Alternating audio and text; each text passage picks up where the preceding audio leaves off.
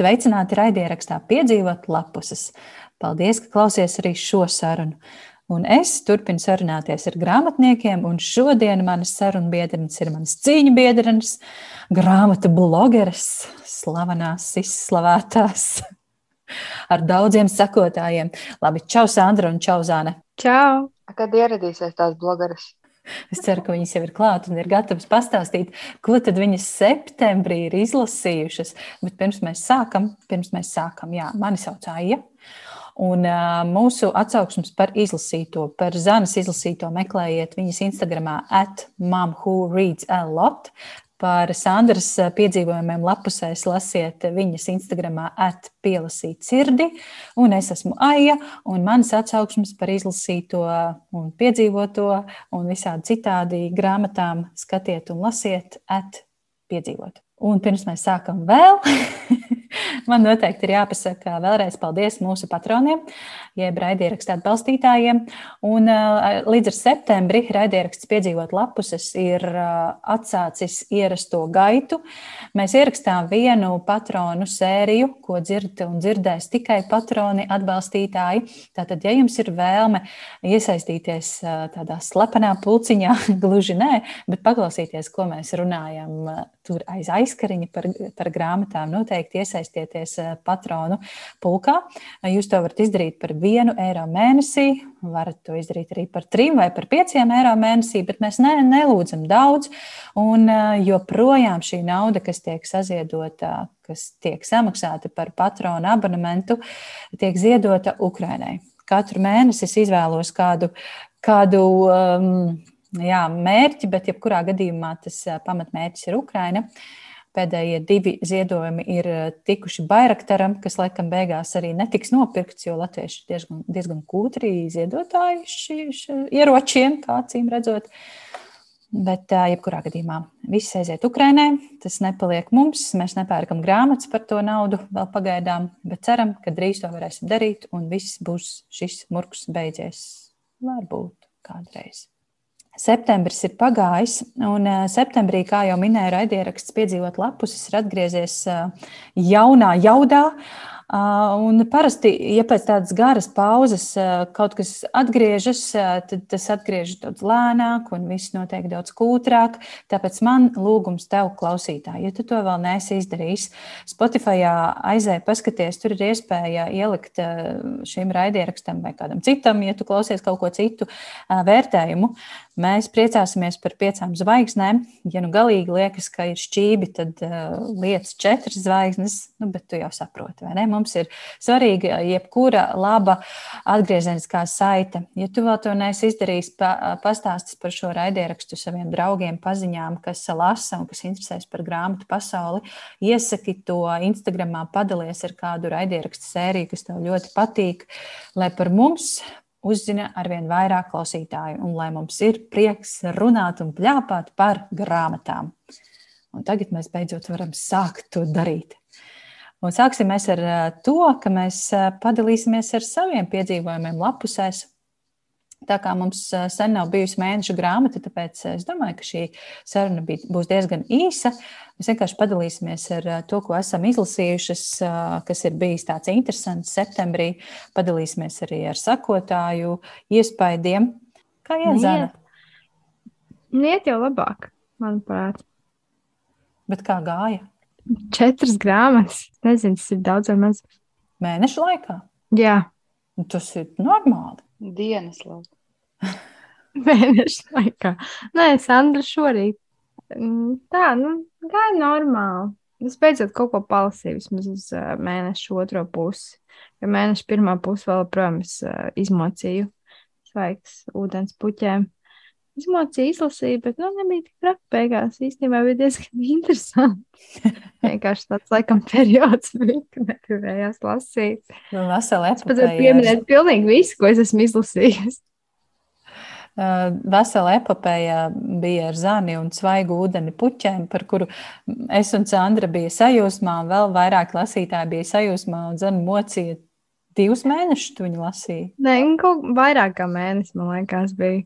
Un man bija tik daudz vēstules un komentāru, kā, bet kāpēc? Un arī cilvēki, es gribēju lasīt, jo labas atsauksmes, bet rekā tu mokies. Un es ne, nu lasiet, tas vispār neko neietekmē, ka es tur mokos, cīnos. Bet es izcīnīju, tā kā es ar sevi lepojos, un es galvenais izlasīju līdz eh, termiņa, līdz termiņa beigām bibliotekas, cik tur varēja kopā pagarināt, tik es viņu pagarināju, bet uh, izlasīju. Jā, ko vēl es lasīju? Ah, nu, Ingas Pizāns jau no krājuma. To gan es izlasīju kādas sešas reizes, tad varbūt var skaidīt, ka es izlasīju kādas deviņas grāmatas. Trīs un sešas reizes um, svaigs ūdens puķēm. Tas bija ļoti forši, ļoti forši. Es pat nezinu, ko tur par viņu pateikt. Viņš vienkārši ir uh, jāizlasa. Nu, kā jau dzēja kā bija tā frāze? Um, par sevi, bet tev. Mm -hmm. Inga Pizāna raksta ļoti modernu, ļoti forši. Es neesmu pamodsies, laikam. Kas vēl? Apartamenti Parīzē. Mm. Um, kontinenta tulkojums. Pirmais komentārs. Otrais komentārs uh, jā, bija it kā interesanti un bija daudz pavērsienu. Nu, bija tā, ka uh, tu nevari to grāmatu nolikt malā, jo kas tad būs tālāk. Tā pašā laikā stāsta gaita bija diezgan lēna, jo tās ir tikai divas dienas. Viss šis romāns, visas tās 400 lapas puses. Un, un, un uh, tur ir, kad uh, māsa aizbrauc pie brāļa, jo viņa ir uh, mm, izdarījusi sliktas lietas Londonā, viņa aizbrauc uz Parīzi. Un uh, viņa ir atbraukusi ar vilcienu, un viņa iet uz šo te māju, un brālis viņai vairāk neatbild. Viņa nesaprot, kas noticis. Kaut kā viņa tajā mājā tiek iekšā un saprot, ka kaut kas, nu, kaut kas nav kārtībā. Ka nevar būt tā, ka brālis vienkārši kaut kur aizbraucis. Un tad šie citi iemītnieki no šīs mājas kaut kādā mm, dīvaini sāk šķist, lai es tur neatklātu par daudz uh, detaļas. Tas nu, pašam jāizlasa. Bet uh, vēl kas man ļoti nepatika, ka autorei likās, ka viņai tik daudz idejas un tik daudz plot twist, un tas viss tur ir salikts iekšā, ka beigās bija pat daudz, bija tāds vagi, ko. Tā kā mm -mm, mm, viena lapas puse, un nākamajā jau cits plot twists, un tad atkal vienkārši viņa iet pa ielu un domā, kur ir mans brālis. Un tad kā plot twists, plot twists, iet pa ielu un domā, kur ir mans brālis. Nu, tā kā viņš pa daudz, man liekas, ja to būtu sadalījuši divās grāmatās, un kaut kā, un kaut kā veiksmīgāk varēja iziet tieši satura ziņā. Tā, un, protams, pati labākā grāmata, nu, neskaitot dzēju, es kaut kā neskaitu dzēju un daļu, daļu literatūru kopā, būs um, Heters Moris trīs māsas, kas man ļoti patika. Uh, grāmatas sākumā likās, nu, jā, nu, kaut kas līdzīgs Auschwitz tetovētājiem, tikai, nu, tā pārāk, pārāk, uh, nu, holivudiski, pārāk, tā kā es gribu, lai šo ekranizē. Un, uh, Bet uh, man liekas, nu, jā, nu, nē, nekas ne īpaši jau nebūs. Bet, nu, tā kā uz grāmatas uh, vidu jau, mm, nē, man tomēr ļoti patīk, jo ļoti sirsnīgi, aizkustinoši. Un šīs trīs māsas, kas uh, bijušas Aušvicā un aizmirsu to sieviešu no, nometnes vārdu Brink, Briken. Mm, sieviešu nometnē pie Aušvicas. Um, vienkārši brīnišķīgi cilvēki, un tu to jūti. Tu jūti, kādas viņas ir, cik uh, viņās ir daudz mīlestības, un, un uh, cik viņas ir sirsnīgas, un kā viņas palīdz citiem un palīdz vienotrai. Un šī māsu mīlestība vienkārši fantastiski. Man ļoti patika. Salīdzinoši ar Lalijas stāstu ir daudz labāk, bet es skatījos, ka Aušvicas tetovētājiem es ieliku piecas zvaigznes, bet nu, tas bija pirms pāris gadiem. Es biju cits lasītājs. Un, jā, šis ļoti patika. Pat sākums, nu, nu tā, bet beigas vienkārši fantastisks. Un beigās vēl ir vairāki pēcvārdi. Vienas māsas dēla pēcvārds, mazbērnu pēcvārds. Nu, tā kā vēl viņi dalās atmiņās, kā tās viņu omītes vai, vai, vai, vai mammas ir nu, visu šo pasnieguši. Tur bija kaut kāda mazmeita teikusi, tā kā mana omīte, mēs sēdējām tirzniecības centrā, viņa teica, ka viņa bijusi nometnē, un es teicu, forši. Un tad es vēl nesapratu, ko tas nozīmē. Un, nu, tā ļoti jauka. Un šīm trīs māsām, viens no tiem dēliem ir Kanādā uzstādījis, ir tā, kad jau aizmirst, kā stikla tāda mm, memoriāla statuja par godu vispār visiem cietušajiem ebrejiem un nu, arī savai mammai un viņas savām tantēm. Un, jā, ļoti skaista grāmata. Tas ir uz patiesiem notikumiem balstīts. Nu, jā, jā. Tā, tās ir personības zināmas, nu, cilvēki zināmas. Šīs Mm, trīs atmiņu stāstīja Heitera Moris pārrakstījis atmiņu stāstus. Nu, tāpat kā bija Lalija un Gitai, kurus arī Gitu pazina šīs te trīs māsas, arī Slovāku ģimene. Viņa tūmā kopā vienā skolā viena no māsām mācījās ar Gitu. Un cilka arī ir pieminēta, nu, ka vienkārši pagāja garām, tā kā ne ļoti pagāja garām, un tad tur parunāja, jā, ko viņi tur dara tajā nometnē. Es droši vien arī gribēju izlasīt, jā, man tikai jā, mazliet ir palicis atmiņā šis holivudiskais Heteras Morisas rakstības stil- stils.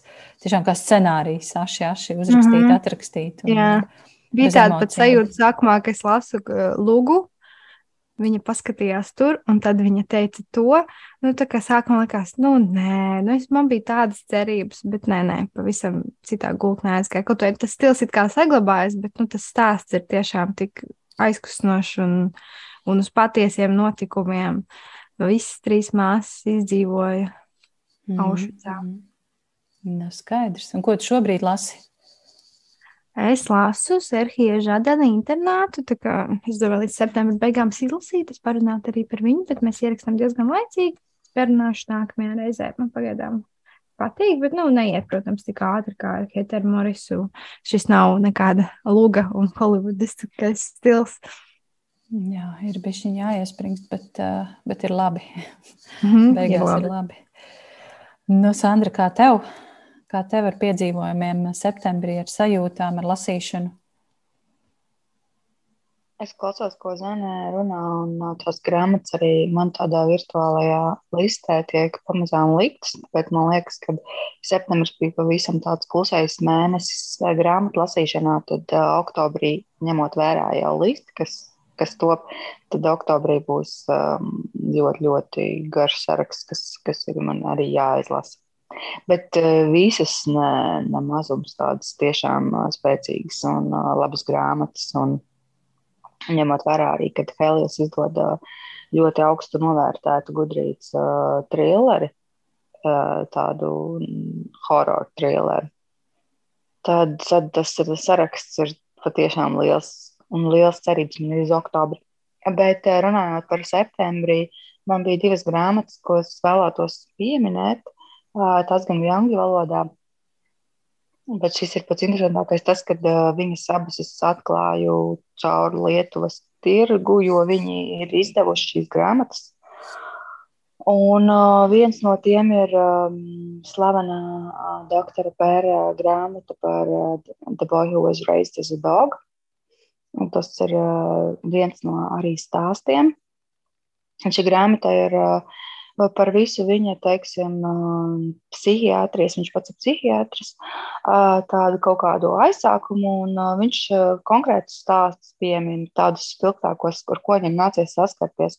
Un tā kā tas ir tā kā sanāk kaut kādi jau tur desmit gadi vai nu, ilgāks laika posms, tad viņš arī piemin tās visas tās metodes un uh, visus jaunumus, kas ir, kas ir mainījies arī pašā psihiatrijā un psiholoģijā. Un, un uh, kā tiek noliekts uh, malā kaut kas, kas visu laiku bija pieņemts.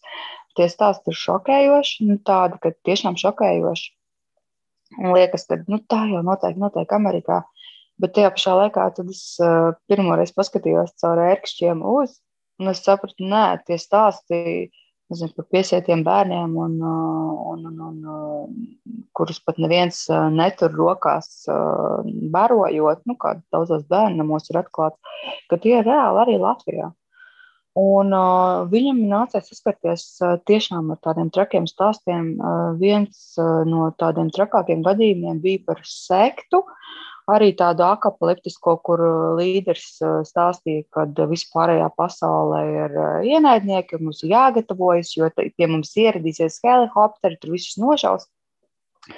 Un, un, un tur policija vienā, nu, vienā tādā reidā izņēma 23 bērnus, jo tur bija aptuveni kaut kādi pāris simti cilvēkiem. Un viņam, kā pavisam jaunam nu, psihiatram, uh, sanāca nu, pie viņiem doties. Viņš bija pilnīgi šokā, jo visi tie zīmējumi, ko viņi zīmēja, vispārējais liecināja par to, ka viņi jau no mazām dienām, tā kā viņi tur piedzimuši, viņi gatavojas nu, savai nāves dienai. Un, tā, ka, piemēram, viņam jautāja, vai tu domā un zini, kas ar taviem kā, vecākiem notiks, jo tur bija ielēkumā vairākas dienas vai cik, nu, kā, lai atbrīvotu tos sektas, tos cilvēkus. Viņi teica, viņi jau ir miruši, viņi jau ir debesīs.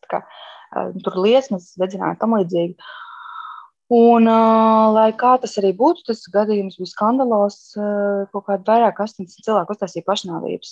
Jo tāpēc, ka viņi bija tik ilgi, nu, koma, to kopējo pašnāvību uztaisīja. Viņi visi nomira, arī bērni tur aizgāja bojā. Tie, kas nebija izglābti, aizgāja bojā. Tad iedomājieties, kāda, kāda vispār, ar kādiem bērniem strādāt, ja viņi ir uzauguši tādā sektā. Un tā kā piepildās arī tas, ko tas sekts līderis teica. Viņi uztaisīja pašnāvību, un viņi zaudēja visus savus ģimenes locekļus. Un, un ar tādiem bērniem vispār strādāt, liekas, nu, tas tāds gadījums ir kaut kas unikāls, ko tu grāmatās var nevar atrast. Un, un līdz ar to tad, um, viņš tur stāsta, kā viņš pieiet. Un, un es esmu pilnīgi iemīlējusies tajā doktora pērā, un es nesaprotu, vai viņš ir tāpēc, ka uh, kaut kādā ziņā viņš sevi tā, tā rāda, bet viņš liekas tik iejūtīgs.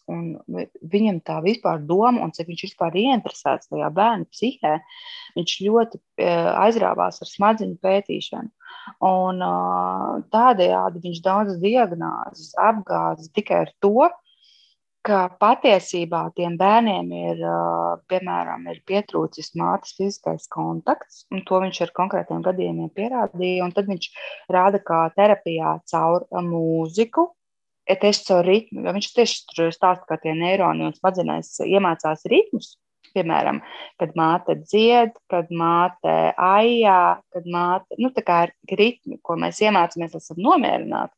Un, ja šādi ritmi nav iemācīti zīdaiņa periodā, tad nu, bērns, bērnam vēlāk visās tās diagnozes, ka viņš tur tik līdz viņam stress, viņš tur iziet no rāmjiem, daudza, un tad viņiem tur pasaka, ka viņš tur ir viņam tāda diagnoze, tāda un tāda, un patiesībā viņš ar citām metodēm vispār mēģina iemācīt tas, kas ir pietrūcis zīdaiņu vēl līdz trim gadu vecumam. Tādas tā kā nu, ļoti sarežģītas lietas, ko smadzenes nav iemācījušās, un uh, kur, kurā laikā viņam bija jāattīstās. Nu, vienmēr, cik, es, es to tiešām nevaru izstāstīt, jo tas ir jāizlasa, jo, jo tu lasi un tu domā, wow, cik tas ir īstenībā interesanti, cik, cik tam ir milzīga ietekme. Tā kā man pašlaik arī mājās mazs bērns uz to, uz to lasu, un, un tas uh, liekas neticami. Bet viņam tie gadījumi ir, ir uh, vienkārši pilnīgi traki. Tur arī par to, mm, kā titulā nosaukums, tas uh, puika, kurš uh, tika audzināts kā suns. Viņš tiešām tā arī tika audzināts. Jo viņam tas gadījums bija tāds, ka uh, viņam uh, māte, vai kas tā bija, adapt, adaptētā māte, viņa bija dzīvojusi kopā ar vīrieti, viņai, viņai palika slikti, un viņa nu, aizbrauca uz slimnīcu, un vienā sakot, nebija, kas viņu audzina. Un vīrietis, kas pats ir labs, bet viņam nekad nav bijis saistība vispār ar bērniem. Pilnīgi. Viņš tā kā, viņam tā kā sanāca, palika audzināšanā tas zīdainis. Viņš varbūt nebija tik augsts intelektu attīstīts, bet slikts jau viņš nebija. Bet viņš vienīgais, ko mācīja, viņš bija suņa audzētājs. Un viņš, viņš arī viņš domāja, ja reiz suņus tā arī audzina, ka pabaro un izved vienreiz dienā pastaigāties, tā viņš arī audzinās to mazo bērnu. Un tā viņš tika audzināts mazā būrī, izlaists ārā uz pastaigā, iedots būrī ēst. Un tad, kad to visu atklāja, Un kaut kādā ziņā viņš jau bija tur izaudzis, viņš nemācīja ne valodu, neko tam līdzīgu. Tad, viņam, tad viņš stāsta, kā viņš ar viņu strādā un kā viņš vispār noskaidroja, kas, kas ar viņu noticis. Jo, jo, bija, jo to atklāja, kad viņam nu, ved pie doktoriem, ka viņš ir tur nevaldāms, nemāk runāt, nu, un ārsti tik liek viņam diagnozes. Un neviens pat nav noskaidrojis, kādos apstākļos vispār viņš tiek audzināts. Nu, vienmēr sakot, ļoti, ļoti interesanti, jo viņš tieši stāsta par smadzenēm. Viņš, um, viņš saka, tā kā viņš kļuva ļoti pieprasīts, viņš nevarēja tik daudz vairs ar cilvēkiem strādāt. Tad viņš izveidoja grupu un viņi atvēra tur kā, smadziņu centru, smadziņu izpētes centru. Un tad viņi tikai uz kaut kādiem konkrētiem smagiem gadījumiem. Uh, nu, devās, kā, lai stāstītu, nu, kā apmācītu citus, jo viņš saprata, ka viņš jau nevar ar visiem strādāt. Bet nu, ļoti, ļoti interesanti, jo viņš ir sācis savu darbību arī tajā laikā, kad Amerikā parādījās arvien vairāk gadījumu, kad pieauguši cilvēki sāka stāstīt par savām seksuālajām vardarbības pieredzēm. Ja pirms tam neviens par to nerunāja. Nu, tā, tas tā kā nepastāvēja, tas bija tāds tā kā tabū laiks. Un tas bija tāds kaut kāds tā kā, tā kā revolūcija šajā jautājumā, ka tas uh, sāka parādīties, jo pirms tam neviens neticēja. Nu, tā kā tiem, tiem bērniem neticēja. Un tad, kad pieaugušie sāka runāt, kas ar viņiem notiek, tad kā. Jo pateica, ka nu, bērni visu kaut ko izgudro, ka tas tur nav iespējams, un, un tad viņš stāsta, kā viņš saka ar šiem gadījumiem, tur nedarboties kā viņš strādā. Un tas, kā viņš arī strādā, ir ļoti, ļoti interesants. Jo viņš, viņš tur, teiksim, nedēļām tikai krāso, piemēram, ar bērniem. Jo viņš redz, ka nu, nu, viņi, ar viņiem nav iespējams runāt, vai viņiem ir fiziski bail nu, nu, no cilvēkiem un tam līdzīgi. Un tad viņš kaut kā caur zīmējumiem vai arī ļauj bērnam pirmajam gaida, gaida neskaitāmas dienas vai nedēļas, kamēr bērns pirmais vispār izrādīs par viņa interesi. Nu, tas nav tā kā nosēdini tā, nu tagad runā, kas tev, tur, kas tev tur bija, kas tev par traumu, kā mēs tev palīdzēsim. Un ka tikai tāds ar kaut kādu tādu piesaisti un iemācīšanu pareizi nu, pareizu piemēru parādīšana, nu, ka, teiksim, visi vīrieši uh, nav uh, nu, seksuālās varmākas vai kaut kā tamlīdzīga, tikai ļauj tam bērnam kā, atvērties, un tad viņš tikai vēlāk strādā. Nu, katrā ziņā es pamanīju, ka viņam ir vēl viena grāmata, kas ir ar opru. Nu, šeit man tāds drusku skepse, jo, protams, visur, kur ir slavenības, tur ir skepse. Uh, Bet tur viņš arī stāsta par traumu, un tad, kad man tas plānā ir ielikts, ka man jādabūt tā grāmata, un tur viņš stāsta par, par kā, kā tieši tikt pāri traumai un kā ar to, to cīn, cīnīties. Bet viņš kā psihoterapeits ir vienkārši, ak, Dievs, kaut visi psihoterapeiti būtu tādi, kas, kas ir, kuram tiešām tie cilvēki interesē. Tā kā tā. Es par daudz izrunājos, bet es īsumā pieminēšu vēl otru grāmatu, par kuru es runāju Un, tā ir grāmata par patiesu stāsts par bēgšanu no Ziemeļkorejas. Par Ziemeļkoreju patiesībā neko nebiju lasījusi, kaut gan man Āzija ļoti, ļoti interesē. Un viņi saucas River in Darkness. Un, mm, tas, tas, tas ir tiešām, tur viņš ļoti stāsta par to, kā viņš ir piedzimis Japānā. Un, tā kā Japānā bija daudz korejiešu emigrējuši, tad vienā brīdī Ziemeļkoreja uh, aicina visus savus tautiešus atpakaļ, piesaistot bezmaksas izglītību, ka tur būs paradīze, mantas nevajag ņemt līdzi. Un tā daudz, daudz, daudz tūkstoši atstāja Japānu, kur viņiem likās, ka viņi nabadzīgi dzīvo. Un uh, devās uz Ziemeļkoreju pat bez savām mantām. Daudz devās. Un tad, protams, atklājās patiesība. Viņiem bija jāparaksta pirms tam līgums, ka viņi nedrīkst atgriezties ar Japānu atpakaļ. Nu, principā viņi parakstīja savu cietumsodu, nevis cietumsodu, principā nāves sodu. Jo, protams, tad viņi uzzināja, ka viņi pat tur tāds lieta kā televizors vai pulksteņi nav, ka cilvēki vispār dzīvo tādā nabadzībā, ka tiešām mirst, tā mirstība ir milzīga, kolektīvā strādāšana un nu, vispārējais. Un, nu, tas, protams, ir šokējoši, šokējoši. Uh, stāsts, kas patiesībā joprojām notiek, un, un, jā, un, un tāds skumjš, skumjš stāsts. Uh, bet katrā ziņā ļoti interesanti par to izlasīt, jo šādas biogrāfiskas grāmatas, kā nesen Karina rakstīja, kad viņa la, lasa šādas grāmatas, viņa saprot, ka nu, mums jau visu laiku liekas, ka mums ir tikai tā Sibīrija bijusi, bet patiesībā katrā valstī, gandrīz katrā valstī ir bijuši tādi kari, genocīdi un izsūtīšanas un, un nogalināšanas un slaktēšanas, ka Nu, patiesībā par to vajag lasīt, vajag uzzināt, ka, ka mēs neesam vienīgie cietēji, kad, kad teiksim, kāds bats ir tajā Ziemeļkorejā bijis. Un, ka tā visa apspiestība, kur cilvēki tiek audzināti, ieprogrammējot pilnīgi kaut kādu politiku, jo viņi tiešām, ne, tiešām neviens nezina, kas notiek ārpusē. Un, tāpēc tas ir tā parāds, kā tajā sektas līderī uh, tie visi cilvēki tiešām arī ticēja, ka tā arī notiek. Visu to, ko saka, tā arī ir. Nu, katrā ziņā ļoti, ļoti interesanti. Un šādas grāmatas es ceru, ka arī iztulkos latviešu, jo mm, es vienmēr spriežu tā, ka, ja reiz Lietuva to ir iztulkojusi, tad man ir cerības, ka, ka tas nozīmē, ka ir iespējams nopirkt licenci un, uh, un tulkot. Um, noteikti. Es domāju, ka atradīsies cilvēki, kuriem interesē citu citu valstu kultūru. Man vienmēr bija ļoti, ļoti interesanti. Man ļoti aizraujošas grāmatas. Tu stāstīji par to Ziemeļkoreju, un es vairs neatceros, kā, kur, kā un kāpēc es redzēju video. Varbūt, ka Sandra, tu man to atsūtīji. Tā bija intervija ar vienu meiteni, kas bija izbēgusi no Ziemeļkorejas. Un tas, ko viņa stāstīja, tas izklausījās tik absurdi, ka tas šķita jau kādā brīdī, nu, nē, nu, nevar būt. Viņi vienkārši joko. Nu, piemēram, par to, ka Ziemeļkorejā neeksistē tāds pat jēdziens kā atkritumi, jo viņi vienkārši visu apēd. Nu, viņi visu lieto, neko nemet ārā.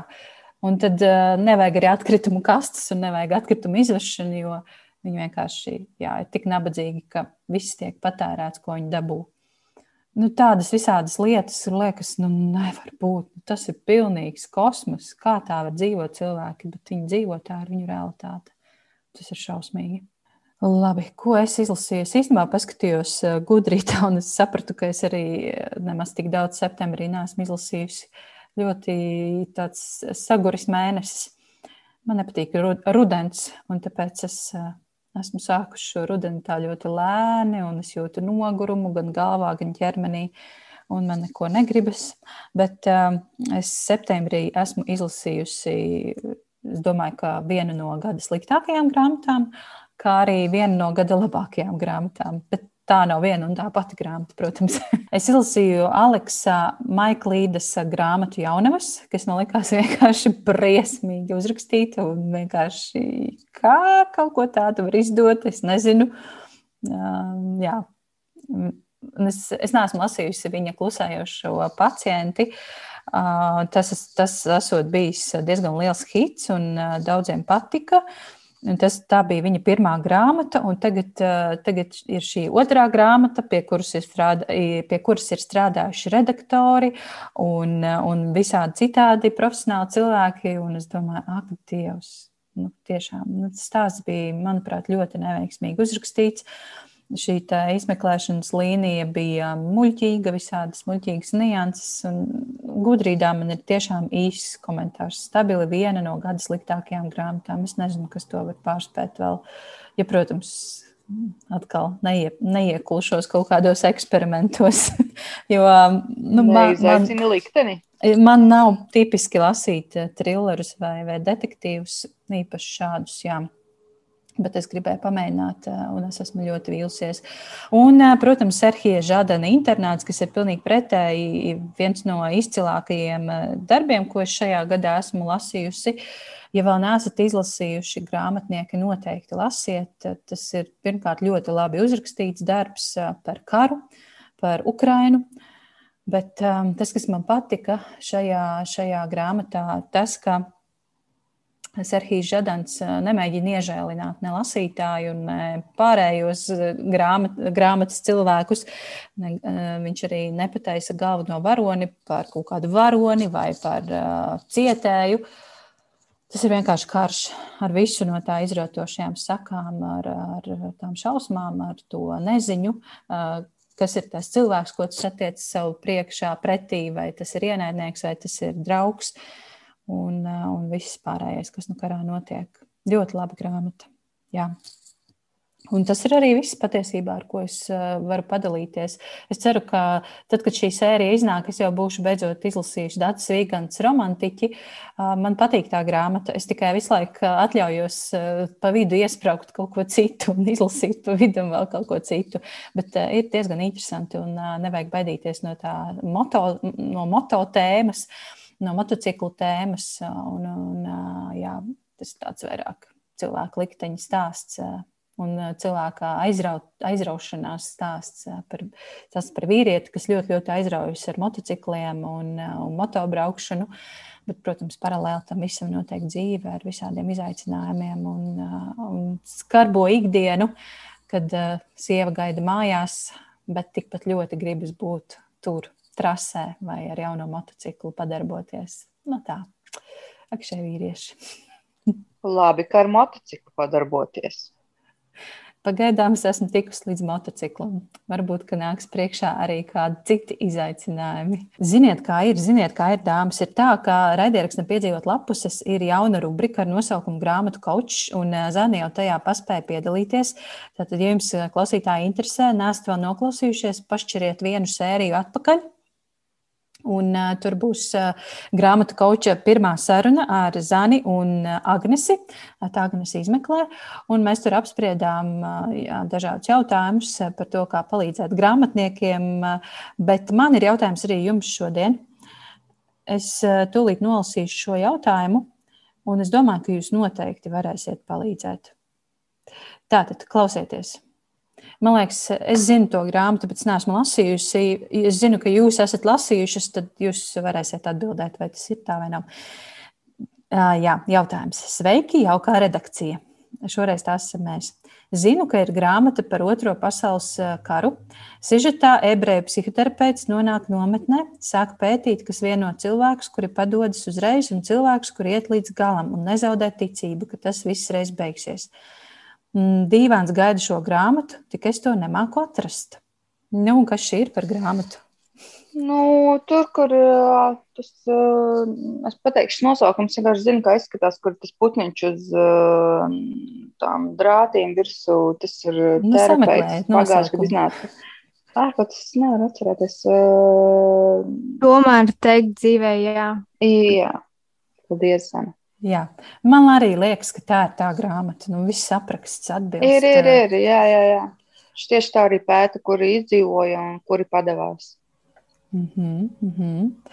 Nu, brīnišķīgi. Es ceru, ka mēs klausītājiem esam palīdzējuši. Tomēr teikt dzīvē jā. Un autors, autors, autors, varbūt jūs varat pateikt arī autoru. Nevar? Varu. Nav aiziet. Viktor, Viktors Frankls. Viktora Frankla, tomēr teikt dzīvē jā.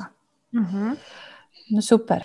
Jā, manuprāt, grāmatu kaučs ir viena interesanta rubrika. Un uh, klausieties arī turpmāk, ka raidierakstu piedzīvot lapuses grāmatu kauču sērijas būs. Bet mm, pirms mēs pieķeramies tēmai par mēneša grāmatu, kas mums būs beidzot oktobrī, es pavisam aši pastāstīšu ko eh, par saviem labākajiem piedzīvojumiem lapusēs stāsta mm, Instagram sekotāji. Un, eh, jā, es ieliku šodien jautājumu, un pirmā atbilde bija no Sandras, kura jautāja septembris. Kurš septembris? Kāds septembris? Paskrēja baigā ātri. Ja? Jā, ļoti ātri. ļoti ātri. Labi. Tālāk, eh, mīsīs lasītāja Ieva ar trim jā, ar trim izsaukuma zīmēm izceļ Serhija Žādana internātu. Elpoju prieku Inga stāsta par Ingas Pizānas un Madaras Gruntmanas jaunākajiem krājumiem. Madaras Gruntmanas aizmīlestība man arī stāv uz galda, un es ceru, ka es oktobrī to izlasīšu. Uh, varbūt pat ātrāk. Mājmācības dienas grāmatā atzīst, ka Baueres soļa rītausmā esot patikusi vislabāk, un tur esot par aizdomām, ka visi vīrieši ir mežoņi. Diana saka, ka izglītotā ir bijusi spilgtākais piedzīvojums lapusēs septembrī, un Linda um, izceļ Luīzes pastoras Raiņa ielas cirku. Uh, viņa ir sajūsmā, un arī bērni esot bijuši sajūsmā. Lasīt našķis izlasīja, kā nomedīt lāci, kas esot bijis neierasts. Viņai neierasts stils, atšķirīgs no tā, ko parasti izvēlas lasīt, bet tas esot bijis emocionāli piesātināts stāsts. Un Arta Price ir izlasījusi Marijas pāris vārdsargu un jūru, un Tomija Kinunenes tik lupi, kas ir bijis septembra skaistākais, labākais piedzīvojums lapusēs. Jūs komentāri, dāmas, par šiem piedzīvojumiem, ko varat pateikt, papildināt? Jauki. Es, es, grib, es gribēju teikt, dzirdēju vārdu atkal par, es vēl projām neesmu izlasījusi. Diemžēl piedodiet, bet es redzu, ka arī AIE ir parādi ko es gaidu. Tā ka uh, viens pret vienu. Viena grāmatu es, vienu aija. Ak, Dievs, es, es nezinu. Man ir miljons parādi. Man ir vismaz četri, trīs. trīs noteikti parādi. es nezinu, ko darīt ar šiem parādiem. Bet oktobra beigās man būs atvaļinājums, kurā es iespējams nestrādāšu, ha, ha, un vairāk lasīšu. Es ceru, es ceru. Tā tad es šo pierakstu. es ļoti gaidu, mm, kā tu izlasīsi. Jā, visas tās grāmatiņas. Visas, jā.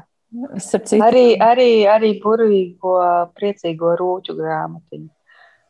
Un uh, Aleksandro Bariko 1900, kas man stāv, man šķiet jau vismaz pusotru gadu pie manis. Nu, vismaz gadu noteikti. Tu droši vien esi aizmirsis. Plāniņa. Jā. Viņu var izlasīt jau tikai paskatoties uz viņu. Oh, tas būtu labi, kad beidzot šī, šīs tehnoloģijas ienāks mūsu dzīvēm. Jūs redzējāt to joku, kurš uh, bija ievietojis to visātrākais lasītājs pasaulē. Jā, viņš tiešām kaut kādā šovā piedalījās. viņš tā, tas, tas nebija tāds, viņš tiešām bija kaut kādā, nu, tā kā talantu šovā. Tur viņš vienkārši šķirsta grāmatas un tur, tur, tur, tur, tur, tur. Es tiešām viņu apskaužu. Vismaz par to, ka viņš iedomājas, ka viņš lasa. ai, ai, dāmas. Zāne nesmējas. Zanē nav smieklīgi. nu, tad, Bet Zane turpina, turpina stāstīt mums, ko viņa mums priecē oktobrī. Jā, Zana, pastāstīja, tu esi izvēlējies oktobra grāmatu. Mums būs beidzot mēneša grāmata, un kā tu pati teici, tas vismaz motivēs kaut ko izlasīt, un varbūt būs tāds patīkams uzrāviens lasīšanā. Nu, stāsti, kas ir tava izvēle un kāpēc? Kāpēc? uh, Sandra jau ir skeptiska jau uzreiz, bet uh, izdevējs ir Prometējs. Atkal. Nezinu, kā man tā vienmēr sagadās. Prometējs vienkārši zina, ka es izvēlēšos laikam grāmatu un tāpēc kaut ko izdot tajā mēnesī. Noteikti, bet, ja... noteikti tas viss ir sasniegts. Tikai tāpēc. Pilnīgi noteikti. Bet, ja nopietni, tas šoreiz nav Lovecrafts. Jā, sakiet man paldies. Bet tā ir Klēras Nortas un parādās cerība. Pēc apraksta ļoti interesanti. Es nezinu, kāpēc Sandra ir tik skeptiska. Pēc apraksta cerīga, ja? Jā, burtiski. Un parādās cerības. Es nezinu, kāpēc cerība ir ar lielo burtu. Cerība mm. varbūt ir cilvēks. Varbūt. Mm. Hmm.